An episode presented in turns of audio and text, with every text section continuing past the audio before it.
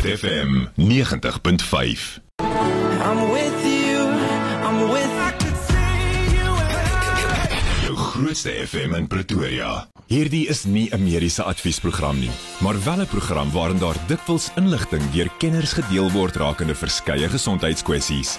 Vir persoonlike raad of advies, raadpleeg jou mediese dokter of sielkundige. Groot trauma met Pieter Kloete en dokter Jaco van die Kerk op Groot FM 90.5.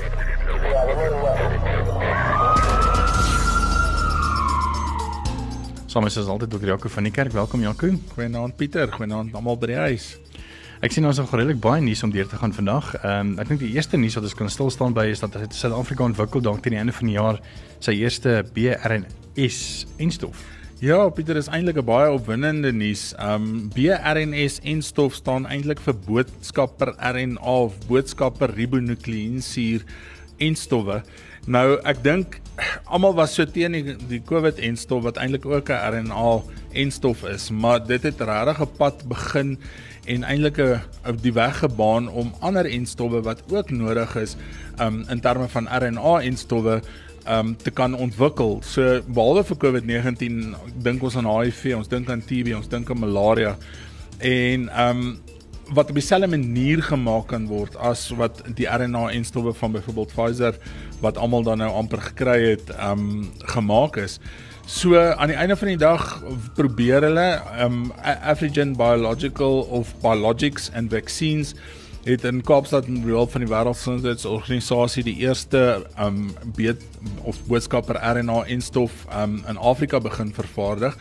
En ek dink regtig um dit is deel van die Mediese Navorsingsraad en die Wêreldgesondheidsorganisasie en dan Afrika Sentrums vir Siektebeheer en Voorkoming 'n goeie goeie projek.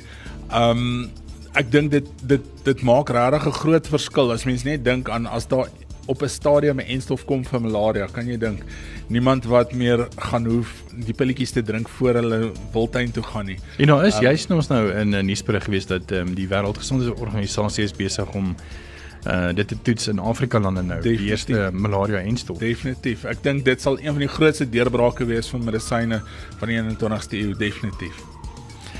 En dan uh 'n bietjie van 'n voelgoed storie, 'n vroue gesondheid of nee, ekskuus, kom ons begin dan eers by die goeie nuus storie dan. 'n Smal stigting woeker weer hierdie week in Bloemfontein. Wat wat is die smal organisasie en wat doen hulle, Jaco? Ja, die smal stigting ehm um, gaan hierdie week van 7 tot 11 Maart by die Universiteitshospitaal in Bloemfontein 23 kinders opereer met verskillende toestande wat wissel van gesplete lippe, gesplete verhemeltes, vingers wat aan mekaar is, brandwonde vir rekonstruksies ehm um, waar meer rekonstruktiewe chirurgie gedoen gaan word.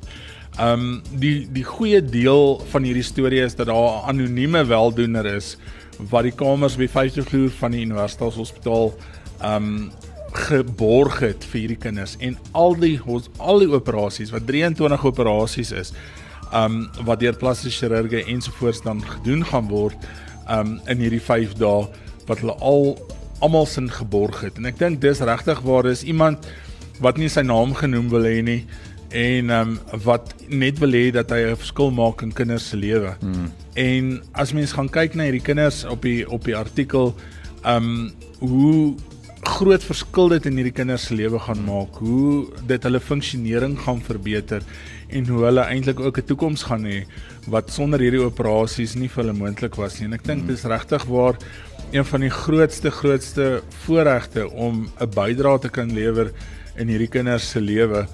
Um nie net geldelik gewys nie, ek dink ook die chirurge wat die operasies gaan doen wat dan um in hulle hart kan bly voel en en trots voel op hulle self. Ja, ek dink dit gee vir hulle 'n bietjie van selfwaarde as hulle ehm um, die operasie ondergaan het en dan kan lyk soos hulle maatjies kan normale so 'n ja. normale kind ja en ek dink alle kinders verdien dit. Hmm. Dan vrou gesondheid erg ontwrig gedurende die pandemie.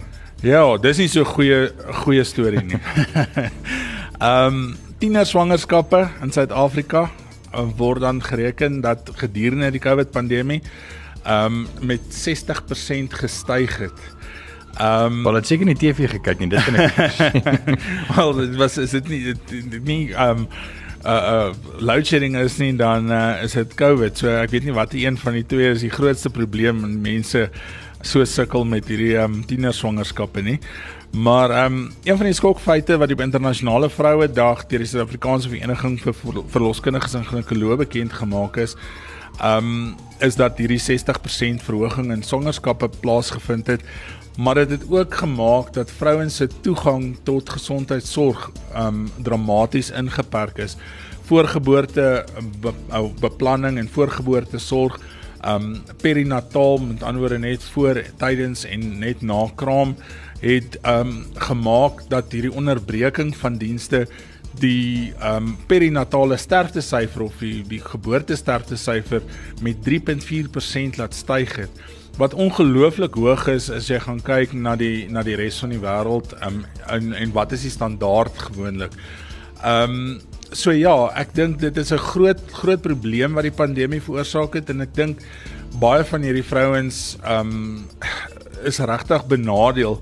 Boonbehalwe die feit dat dat die swangerskapspersentasie so opgegaan het, is die toegang tot sorg was nie optimaal nie en ek dink regtig ons sit nou in 'n situasie waar alles behoort te na normaal toe terug te keer en ek hoop regtig waar ehm um, dat ons weer 'n afname in hierdie sterfte syfer van babas of perinatale sterftes gaan sien as as ook dan ehm um, dat 'n mens gaan sien dat tiener swangerskappe daarom daarom minder word. Ja, dit is nogal moeilik. Ek bedoel, hoe hanteer mense dit? Ek bedoel, waar begin mense? Ek bedoel natuurlik by ouers in die ouer huis. Uh, maar dan ook verder, ek dink ehm um, onderrig in skole ja, um, ja. en die meer alles speel 'n groot rol. Ek dink my jongste pasiënt wat ek in die laaste jaar kan ek amper sê gediagnoseer het met swangerskap was 13. Sjoe. Ehm um, so mense dink ook baie keer dis 'n ding van mense wat nie mediese fondse het nie of dalk laer sosio-ekonomiese groepe is maar dit gaan in alle sosio-ekonomiese sosio-ekonomiese groepe dit dit diskrimineer nie tussen hoeveel geld jy het of wat is jou op of of jou opleiding um, hoe geletterd of nie geletterd jy is nie. Um ons sien dit in alle alle gedeeltes van die samelewing. Maar ek dink definitief jy is heeltemal reg. Ek dink dit begin by die huis. Nou sê. En dan ehm um, ons kan ongelukkig nie miskyk oor dit wat gebeur in Oekraïne met die oorlog uh, wat Rusland natuurlik op die land Oekraïne het nie. En uh, die nuus wat nou net in is intrent so uur en 'n half terug op CNN.com sê dat die Britse minister ehm um, veroordeel teen sterkste 'n bom van 'n hospitaal waarin kinders nou begrawe is. En ek meen is dit nie een van die rules of engagement wanneer dit kom by oorlog wat in die Geneva konvensie gesê is dat hulle mag nie indien jy dan uh, in oorlog betree dat jy glad nie mediese of mense kan weier vir mediese hulp teen ook in hospitale nie. Ja, definitief. Ek dink dit is heeltemal teen enige konvensie, teen enige etiese reël in. Ek dink hospitale word gesien as as die sagte teikens soos kerke, soos skole.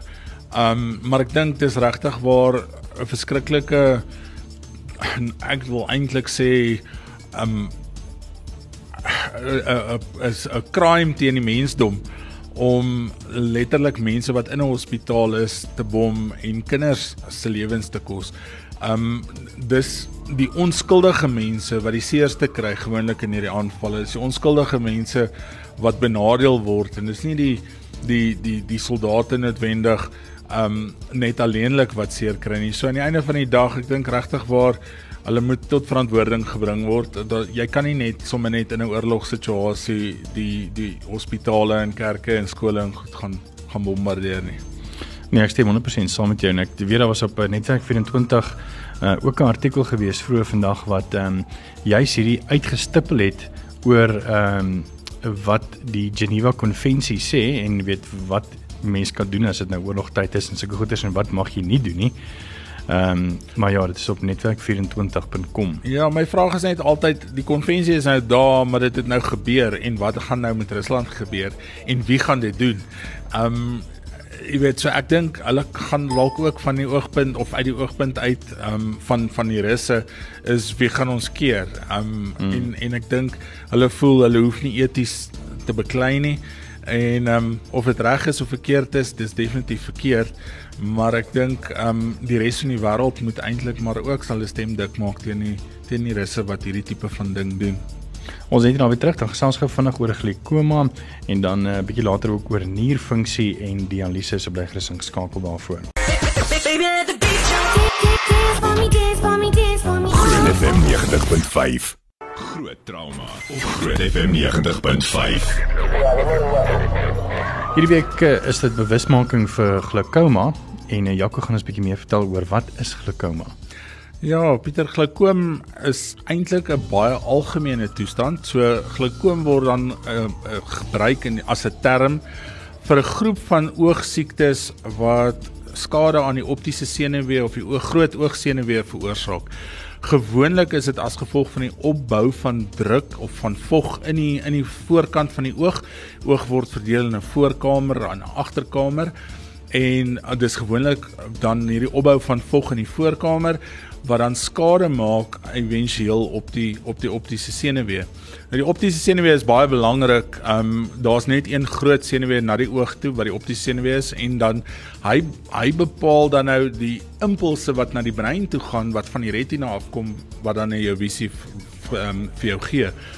As mens gaan kyk na die na die ehm um, hoe hoe algemeen dit is, word daar gesê dat glaukoom is die tweede algemeenste oorsaak van blindheid in die wêreld waarvan die eerste is uit die aard van die saak katarakke en die die tweede is dan glaukoom. En die sleg ding van glaukoom is en dis hoekom 'n mens al 'n bewusmaking daarvoor moet skep is dat ehm um, glaukoom nie altyd simptome het nie. En partykeer kom dit stelselmatig aan. Almal kry nie akute glaukoom nie. Partykeer is dit 'n stelselmatige verergering van hierdie of geleidelike verhoging in hierdie drukke en dit maak dat 'n mens dan skade aan hierdie optiese senuwee kry. En daai senuwee skade wat jy kry van die optiese senuwee is gewoonlik onomkeerbaar as dit reeds daar is. So as jy blind is as gevolg van glaukoom, dan het jy gewoonlik maar 'n slegte uitkoms. Ai, en wat is daar behandeling vir dit, Jaco? Ja, ek sê het. Pieter, um, dit hang af van wat se tipe glaukoom daar is. Nou mense kan dit eintlik onderverdeel in vier groot groepe glaukoom. Jy kan obviously praat van kongenitale glaukoom, so dis maar waar die baba gebore word met abnormale kanale of glad nie ontwikkelde kanaaltjies vir die oogvog wat dan geproduseer word deeltyd om uit die oog te dreineer nie. Dan kry jy um normaaldruk glaukoom met ander woorde en en daar's nog baie kontroversie oor hoekom dit skade maak nie op die senuwee want sommige mense kry skade aan die oogsenuwee ten spyte van die feit dat hulle oogdrukke as mense dit meet um binne normale perke is vir die vir die standaard maar vir hulle oog is dit te veel. En dan kry jy wat ons praat van 'n akute oophoek um uh, uh, of 'n toe toe glaukoom en 'n oophoek glaukoom Nou, ehm um, 'n oophoek glaukoom is die algemeenste vorm. Dit beteken daar's stukkies wat wat eintlik debris is wat in die voorste gedeelte van die oog is. Dit is agter jou kornea, agter die blink gedeelte van die oog en en tussen dit en jou iris wat die kleur van die oog is. Um as daar debris opbou en dit blok dan oor tyd die kanaaltjies wat die oog vog dreineer, sal die oogdrukke opgaan. Dit is gewoonlik die wat stelselmatig aankom. En dis 90% van almal. Dan kry jy toe glaukoom, dis skielike afsluiting van die kanale wat die wat die oog dreineer en dit is uit die aard van die saak, um die slegte een, dis die een wat jou oogbalpyn gee, die ding wat um vir jou hoofpynne gee en skielike visie agteruitgang. Maar veral is dit oop hoek of toe glaukoom is daar behandeling. Um daar's eintlik drie modaliteite. Die eerste is dat dit behandel kan word met spesifieke oogdruppels wat dan permanent gebruik moet word. Um daar's laserprosedures wat gebruik kan word daarvoor en dan uit die aard van die saak daar chirurgie wat gebruik kan word om te help met die dreinasie van hierdie oog. So dis dit oor glaukoom en hierdie week is natuurlik bewusmaking van hierdie siekte of toestand dan. Toestand. Ons het hier nou gesels 'n bietjie oor nierfunksie. Dis nou tyd vir Jaco se mediese minuut. Ja, ons praat oor nierfunksie nou volgende en ek dink baie mense dink um, as mense die woord nierversaking gebruik dat dit 'n baie rare kondisie of baie skaars kondisie is. En eintlik is dit glad nie. Dis 'n ongelooflike algemene siekte en een uit 7 Amerikaners wat volwasse is en dit word gesien as in die res van die wêreld ook het een of ander vorm van nierfunksie inkorting. Um goed wat mense op hoë risiko plaas is goed soos hoë bloeddruk, diabetes, 'n familiegeskiedenis van nier niersiekte. Um dan verhoogde ouderdom uit die aard van die saak, maar selfs net uh, simpel goed soos te veel pynmedikasie drink, anti-inflammatoriese goed drink, plaas jou op risiko vir nier niersiekte of dan nierversaking tot 'n minder of 'n meerdere mate. So nierversaking is eintlik baie meer algemeen as wat die meeste mense sien of wil weet En ehm um, mense weet net nie daarvan nie want in die beginfases van nierversaking het jy nie altyd simptome nie. So jy kom dit eers agter in 'n baie laat um, stadium van die siekte. Groot FM 90.5. Groot trauma met Pieter Kloete en dokter Jaco van die Kerk op Groot FM 90.5. Ons is alsa 'n bietjie oor nierfunksie en die belangrikheid van jou niere en ook wat se funksie dit in jou liggaam het en ons het ook hier so saam met ons die ateljee vir Rinus Gous wat letterlik ehm uh, moet gaan vir dialyse op 'n gereelde basis. Maar voor ons daarby kom Jaco, uh hoekom het ons twee niere nodig? Kan 'n mens met net een nier oor die weg kom en wat 'n belangrike rol speel niere in 'n mens se liggaam? Pieter, ek dink niere speel een van die belangrikste rolle in 'n mens se liggaam. Sonder niere kan jy nie oorleef nie. Um want jy kan nie ontslaa raak van al die byprodukte van jou metabolisme nie. Um mens kan met net een nier leef en dis wat baie mense met nieroorplantings gehad het, kry een nier en die persoon wat die nierskenking gedoen het, het een nier oor en hulle hulle hulle leef eintlik baie goed en hulle leef eintlik normaal. Um die een nier kan die funksie van van die twee niere hanteer. Um mense moet net daai nier nog steeds baie mooi oppas. So as mens dink aan iemand wat niersiekte het, dan dink 'n mens aan mense moet dit eintlik gaan onderverdeel in akute nierversaking en kroniese nierversaking. So kroniese nierversaking is meer die mense wat of met niersiekte gebore is of wat hoë bloeddruk het wat ongekontroleerd is of wat diabetes het wat ongekontroleerd is. En daar's 'n klomp ander oorsake ook, maar maar dit is hierdie goed wat stelselmatig aankom. Dan ja, akute nierversakings kan dan goed wees soos beserings, goed soos oorweldigende infeksies wat dan vir jou vir jou nierfunksie aantasting gee as jy ewe skielik in 'n byvoorbeeld in 'n in 'n ongeluk was en jy semi uitgebloei en jy het nie goeie bloedvoorsiening in jou nier gehad nie, gaan jy ook nierfunksie inkorting kry. En dit bepaal letterlik alles. Um as jy 'n groot besering gehad byvoorbeeld ons in 'n trauma situasie, dan word daar 'n klomp toksine vrygestel um en en ensieme en proteïene, myoglobien as jy byvoorbeeld spierbesering gehad het en daai goed daai molekules is te groot om te filtreer deur die nier. So as ons dit nie mooi behandel en mooi hanteer nie, dan kan mens eindig met nierversaking wat dan eintlik 'n baie slegte diagnose is om te hê, maar gelukkig is daar baie planne en is lekker om hier te sit saam met iemand wat al 'n groot deel van daai klomp planne beleef het. Net gou vinnig voor ons met Renus gesels, wat is nierstene? Nierstene is eintlik maar net een van die siektes van die nier of een van die siektes wat jy of wat jy kan kry toestande in mans gewoonlik verhoogde urinsure so ouens wat gout het het ook 'n verhoogde risiko vir vir nierstene. So in mans is die algemeenste niersteen um urinsierstene en dan kristalliseer daai daai urinsuur eintlik in in jou nierbuisies en dit word dan afge of probeer uitgeskei word deur die nier en dit gaan sit vas in die ureters wat dan die buisie is van die nier af na die blaas toe en dit maak dan obstruksie in die vloei. Dit is ook een van die oorsake van akute nierversaking. As jy obstruksie het in vloei van urine van jou nier af blaas toe, dan kan jy nierversaking of nierfunksie inkorting kry. Dis gewoonlik akute nierversaking.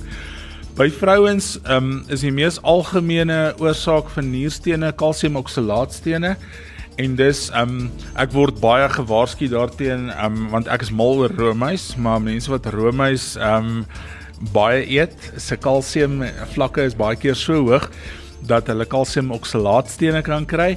En um daar by ons is daar 'n ginekoloog wat dit gereeld kry um as gevolg van roomys ook. en um maar dis meer 'n algemene ding by vrouens die kalsium oksalaatstene. Um maar weer eens met obstruksie kan dit vir jou akute nierversaking gee. Ines, dankie dat jy hier is en dankie dat jy ook jou storie met ons gaan deel. Net so vinnig, uh ek meen, hoe lank is jy nou al op dialyse en vertel ons bietjie net van wat dit uh tot aanloop van jou nierprobleme wat het gebeur. Uh baie dankie uh, Pieter, dankie dokter. En dankie aan die luisteraars. Ehm um, ek weet nie of 'n mens dit kan sê 'n uh, live journey uh van nierversaking nie. Maar ja, my my probleme het begin in 2007. Ehm um, ek moet erken in 2006 en begin van 2007 het ek steroïde gebruik vir liggaamsbou. Ek was op 'n stadium 125 kg. En ehm um, ja, Desember 2007 kry ek larig pyne en ek eindig op in in die hospitaal. onmiddellik toetse gedoen, uh, urium, kalium, kreatinien toetse, sien dit is bitter hoog en hulle neem my in ICU op. En ek was daar vir 9 dae en in daai 9 dae het ek 11 kg verloor.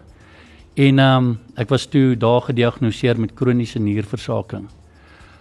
Ehm um, ek het toe daar uitgekom en ehm um, ek was onder behandeling 'n uh, uh, baie erger uh, hoe kan ek sê ehm um, uh, wat ek wil sê um, ek was was onder behandeling vir vir so jaar jaar en 'n half. En ehm um, so na jaar en 'n half toe het my professor wat daardie tyd 'n uh, professor Niels Potgieter was het uh, my toe gekontak en sê hoor Irinus jy moet ehm um, begin dialyse oor oorweeg jou nierfunksie is daarmee heen. Jy weet uh, mens heel eers dink 'n mens jy jy sien klaar die woord dood ehm um, voor jou. Lang trane gehuil in die bad, saam my vrou gesit en gesels en uh, sê vir haar jy ek gaan dit nie maak nie en so eystervrou soos wat ek het, sê sy vir my ehm um, maar weet jy wat soos wat jy nou voel en soos wat jy nou jy weet ehm um, huil en so aan. Ehm um, so moet ons eintlik elke dag lewe want niemand van ons weet wie is môre nog daar nie. Hmm. En dit het my laat besef, jy weet dat ehm um, daar's meer om voor te lewe. So ehm um, ek het toe begin met dialyse, so jaar en 'n half nadat ek uh, opgeneem was in die hospitaal. Ja, 3 keer 3 keer 'n week, uh 4 ure per dag druk hulle twee naalde 15 gauge is redelik groot is soos 'n 1400 bakkie se aerial. Ja. ja, dit is dis 'n dis 'n riller. Dis um, is presies. dit druk hulle in my in my arm. Ek moes heel eers gegaan het vir 'n uh, 'n fistula wat hulle in my arm uh insit is. Die dokter sal meer kan verduidelik hoe 'n fistula werk.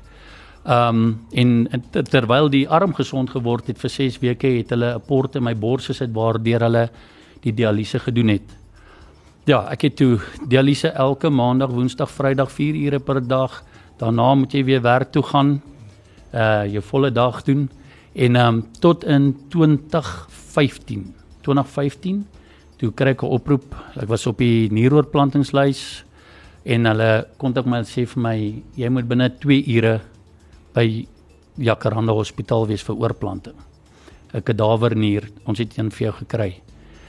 'n mens weet nie jy's bang aan die een kant, jy's bly aan die ander kant, maar binne 2 ure toe ek by die hospitaal 'n uh, 'n uh, ongelooflike goeie dokter Rian Jacobs het het my toe ehm uh, ingevat so kwart oor uh 7 die aand, kwart oor 9 toe ek uitgestoot 2 ure later wat gewoonlik 'n operasie is van 4 5 ure. Mm. En onmiddellik het my nierfunksie weer opgetel en ehm um, ek was baie dankbaar ehm um, ek het 'n nier gehad Alhoewel ek het verskriklike baie ups and downs en komplikasies gehad. Ek het gorrelroos gehad op 'n stadium in die hospitaal. Dan s'ek in die hospitaal, dan s'ek uit die hospitaal. Op 'n stadium het hulle 'n biopsie op my nier gedoen. Toe steek hulle my nier stikkend. Toe bloei ek in my in my buik of in my in my my maag. Hulle toe met 'n uh, ambulans en 'n uh, paramedikar omdat ek uh, dan 'n hoë risiko is, het hulle my vervoer na 'n ander hospitaal toe waar ek in totaal 5 ure was waar hulle die ehm um, die nier weer geseël het. En in daai 5 ure het ek weer 'n uh, virus opgetel in hulle teater. Ek's terug na die hospitaal toe waar ek eers was, uh geïsoleer. Dis waar ek geleer het van maskers. Ek het gedog ek is die enigste een wat daai tyd het die mense my snaaks aangekyk as ek in die straat loop na 'n nieroorplanting en het 'n masker op. Die mense het gedink hoor jy jy het een of ander snaaks ja, snaakse siekte so hulle hulle wil nie naby jou kom nie. Maar net ons geweet nou uh, deesdae gaan almal maskers mm. dra. En uh ja, so in uit baie komplikasies gehad. Um en ja, 2 jaar later, of nee, nee 2018 toe voel ek ek het ek het pyn op my maag en ek dink dit is dalk 'n mantelvlies breek of en ek gaan sien weer dokter Rian Jacobs en sal nie glo so so goed soos wat hy is. Hy kyk net na my, hy het nie eers aan my gevat nie. Hy sê vir my ehm um, Rinus, hierdie is nie mantelvlies nie. Hy sê 'n 'n nierpasiënt uh, uh, uh, sodra hy 'n hartkwal kry, dan gee jy wat ek nou nie sal weet nie, maar hy sê jy gee 'n reuk af. 'n mm. 'n sekere reuk. Hy sê en hy sê vir my dis my hart. Onmiddellik skrik ek my weer boeglam. word weer verwys na my nefroloog uh, dokter Helene Buurman, ook 'n uh, baie baie goeie dokter. En um, sy doen toetse. Sy sê nee, hier is fout met my hart. Ek word weer teruggestuur dokter Chetty Naran, kardioloog, kardiochirurg by Suid-Afrikaanse Hospitaal. En um, die dokters het met my oop kaarte gespeel daar, vir my gesê uh meneer Gous, jy jy's nie jy's in 'n probleem. Die probleem is ehm um, maar omdat jou stelsel maar af is, ehm um, het ek uh, hulle noem dit neglected pneumonia opgedoen. So uh, dit is eintlik ehm um, ehm um, ja, uh, dokter sal kan sê neglected pneumonia is longontsteking, longontsteking wat eintlik nie ja. mooi behandel is nie, maar ek dink mense moet ook sê as mense nieroorplanting gehad het en dis hoekom al hierdie infeksies so maklik gebeur en 'n klomp komplikasies, moet 'n mens immuunonderdrukkende terapie gebruik om die nier of die liggaam te keer om die nier te verwerp. En om daai immuunonderdrukkende terapie te gebruik, maak mens net op 'n hoë risiko daarvoor. Ja, ja, dit is so dokter. Ja, so toe ehm um, uh waar was ek? Sorry. Uh, die Maar ons gaan net nie. nie na weer terug en nou dan gaan ons gou vanaand nee, weer verder gesels. So bly net ingeskakel, ons net nie na weer terug.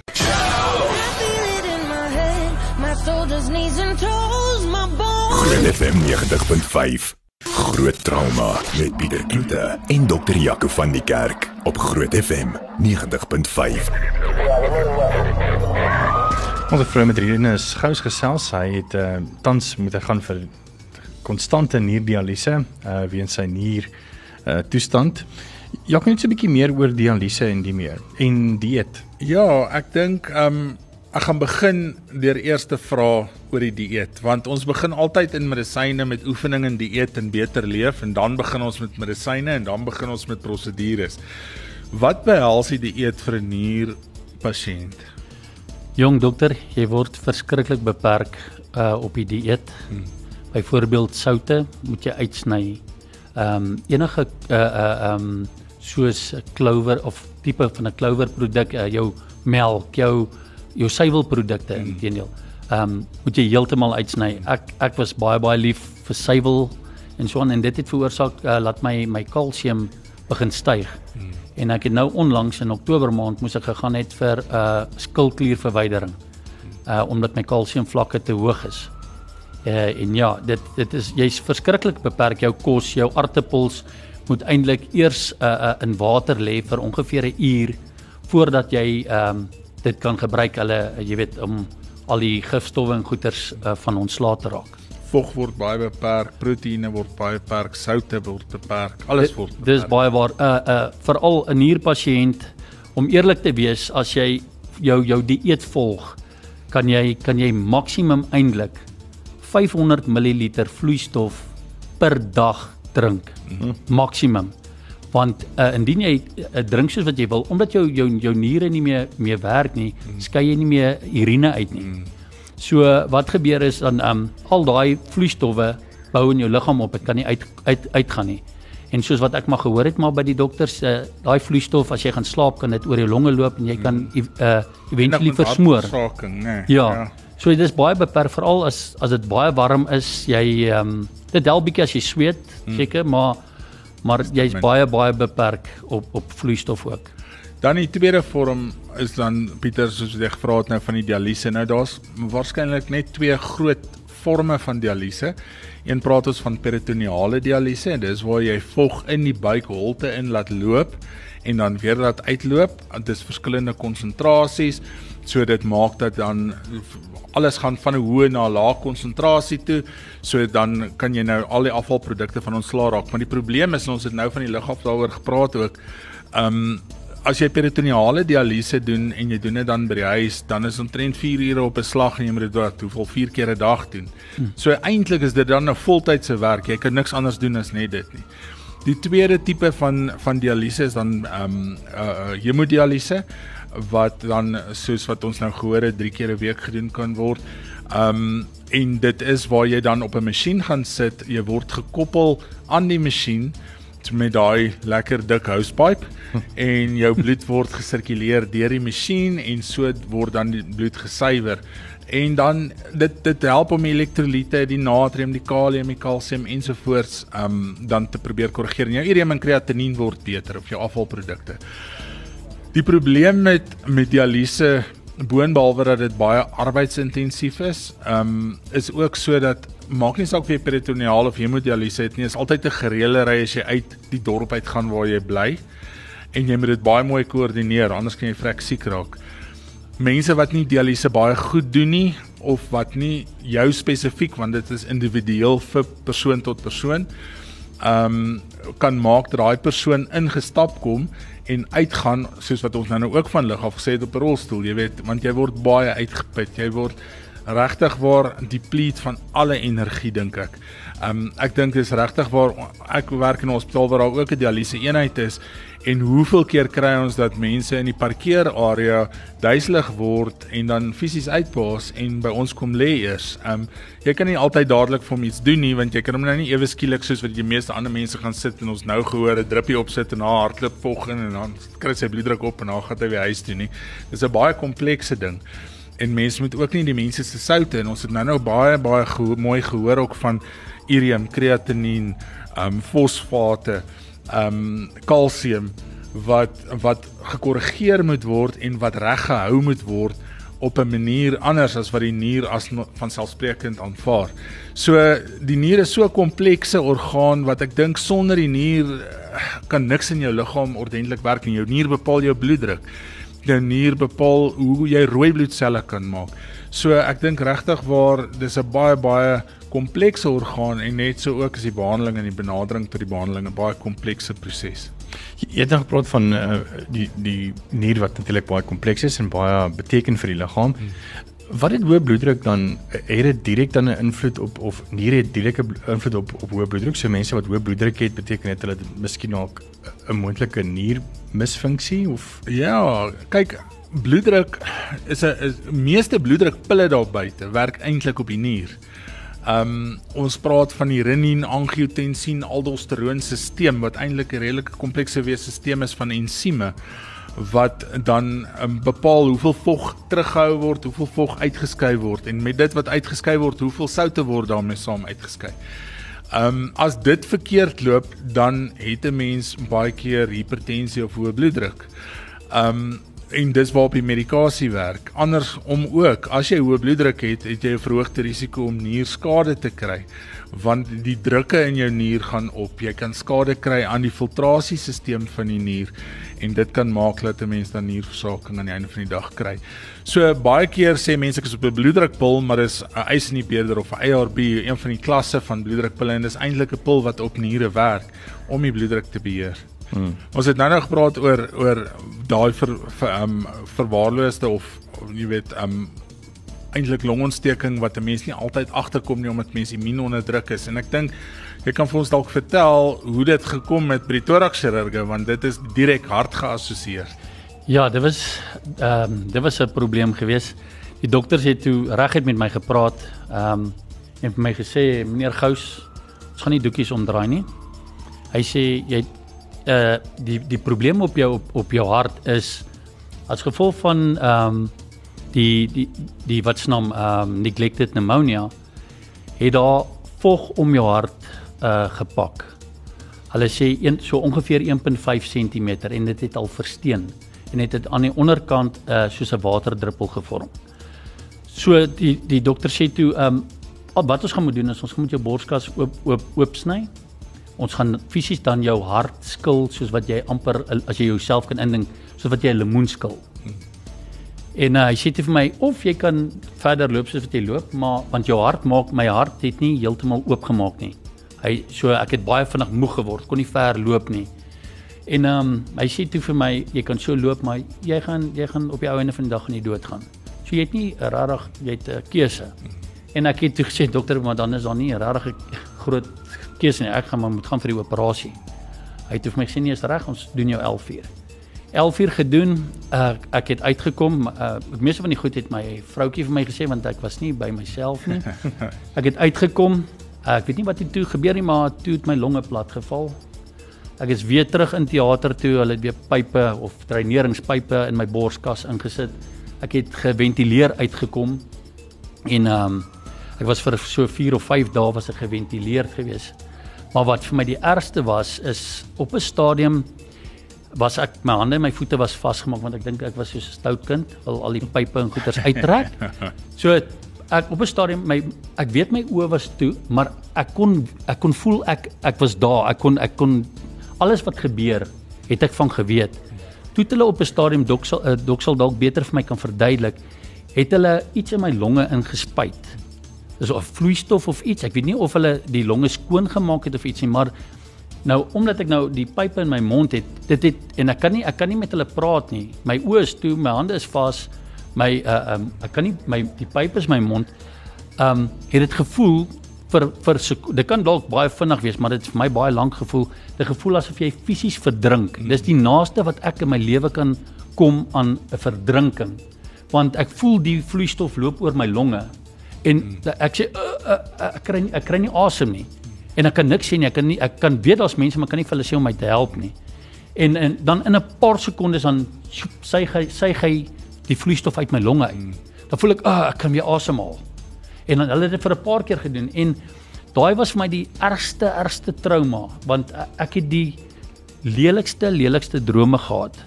Uh daarna, as ek my oë toe maak, het ek die lelikste drome van bloed en uh al die goed wat sleg is. Hmm. En uh toe het my uh, my dokter daar op daai stadium toe sê hy vir my ek het traum baie erg trauma ervaar en dit is hoekom ek daai drome het. Dit het hulle my op 'n baie sterk uh, slaappil gesit en na 'n paar dae het dit het dit uh, weggegaan.